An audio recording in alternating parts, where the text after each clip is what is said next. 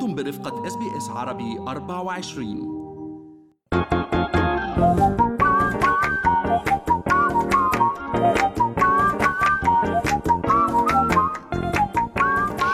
شو في ما في من أستراليا وحول العالم بفقرة منوعات آخر فقرات برنامجنا الصباحي.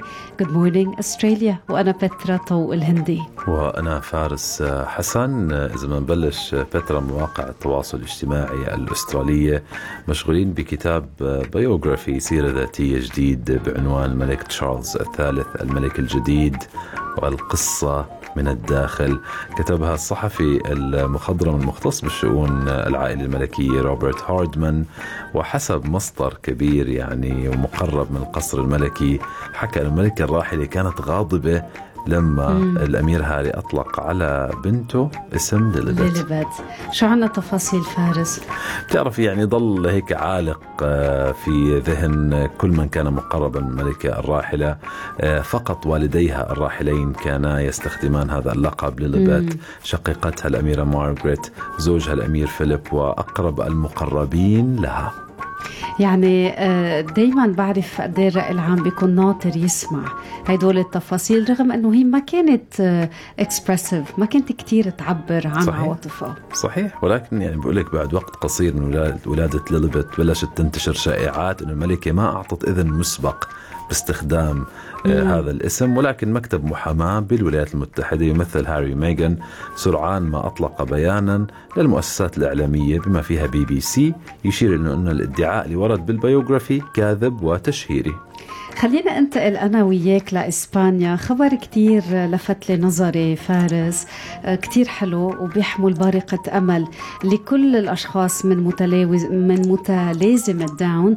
اليوم صار عندنا مار جالسيران واللي صنعت التاريخ. ليش؟ لانها أصبحت أول برلمانية بالبلاد من متلازمة الداون. شو حلو هالخبر. شكرا بترا جبتينا هذا الخبر بالفعل في حديث كبير عنه على ال social media.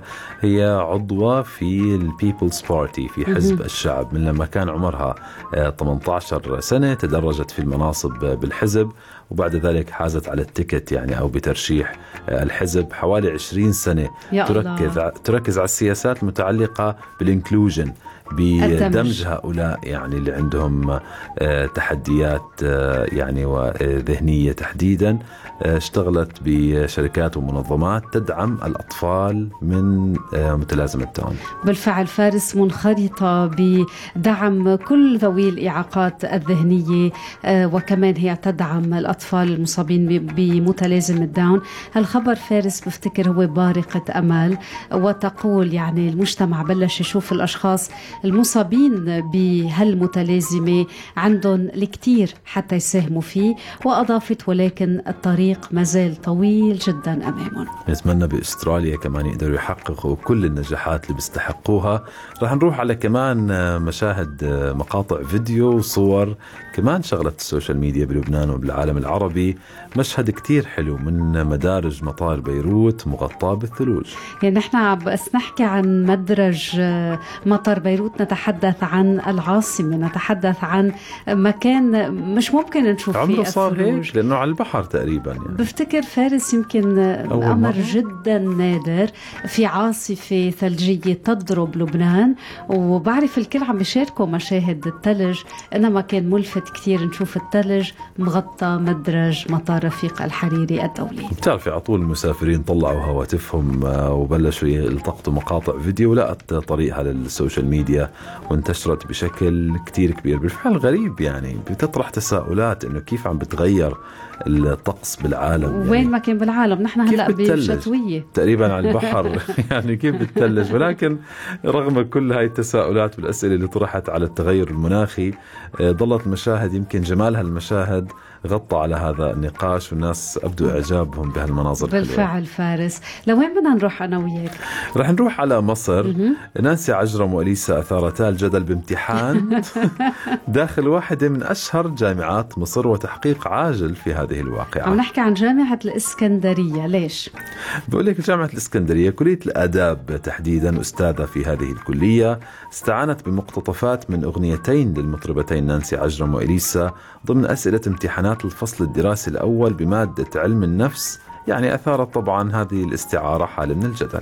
مع إنه بفتكر هيدي طريقة رائدة مم، فعلاً مختلفة يعني. بالاختبار أنت بتعرف إنه الأغاني بتنقل كثير من ثقافتنا طبعا. واحيانا تروج كمان لأفكار. آه، قد تكون يعني آه، مغلوطة. الأغنيتين هن حبك سفاح وحالة حب. يعني آه، طبعا فترة بدك تساعدينا أكثر لأنك. أنت طبعا هذا مجال تخصصك بشهادة الماجستير. الامتحان كان عنده عدة أسئلة multiple choice جاء بنص السؤال الأول بالامتحان قالت نانسي عجرم بأغنية حبك سفاح علشانك ممكن أعيش أسبوع ما لا باكل ولا أشرب. فهون اجى السؤال؟ عن مدى تطابق ذلك أو اختلافه مع أحد علماء النفس لوضع نظرية الاحتياجات؟ ماسلو. حلو. ماسلو ع- آه، هرم الاحتياجات. بس خلينا نقول إنه الحب يقلب كل المعايير. آه، خلينا العلوم نقول لا تنطبق. لأنه عادة أنت بتعرف فارس لما تكون حم تشعر بهالشبع العاطفي قد إيه حتى جسمك بيكون منتظم بيكون عندك طاقة. آه، الحب هو حياة وبفتكر هو بيفرز آه، بيعطي دعم لكل الخلايا بالجسم. ويمكن هاي كانت فكرة نانسي. عجرم من الأغنية. آه، يعني المنطلق علم النفس أنه الواحد مثلا يأكل بعدين ينام بعدين يحب بعدين يحترم حاله بعدين يشعر بالاكتمال.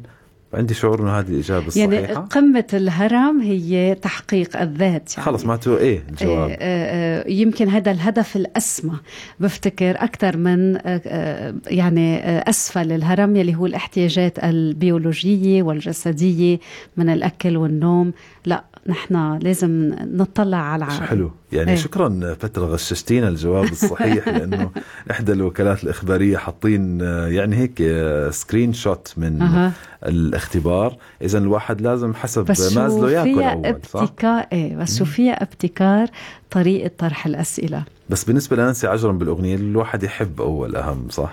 آه، الحب هو كمال الاحتياجات وكمال تحقيق الذات. فيعني من هون اجى هذا الجدل والناس قعدوا يتبادلوا بشكل كثيف على ال social media هذا السؤال المختلف.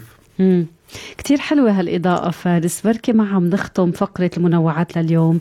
حلقتنا كانت كتير حافلة. بدنا نشكر كل الزملاء والزميلات على مشاركاتهم. منال العاني كوثر الحنبوري سليم الفهد هناء ياسين أندرو thank you شكرا والشكر الأكبر لك. رفيق كل صباح فارس حسن. شكرا فترة يسعد صباحك فترة طوال هندي رفقتك دائما غالية علي وأكيد على المستمعين والمستمعات. كان عنا اليوم ضيف رائع شاركنا بخبرته بانتظار كمان خبراتكم وقصصكم على هالمنبر. بما أنه يعني نانسي عجرم كان جزء من امتحان علم النفس رح نختم معها اليوم. شو نقيت لنا؟ أغنية ف... آه آه نجوى كرم. نجوى كرم. يلا نختم نجوى كرم نهديكم بلكي الامتحان هالأغنية. الجاي يستعمل واحدة من أغانيها كونوا بألف خير وإلى اللقاء نلتقي غدا بإذن الله دقائق بنكون مع سليم في نشرة أخبار التاسعة هل تريدون الاستماع إلى المزيد من هذه القصص؟ استمعوا من خلال Apple Podcast، Google Podcast، Spotify أو من أينما تحصلون على البودكاست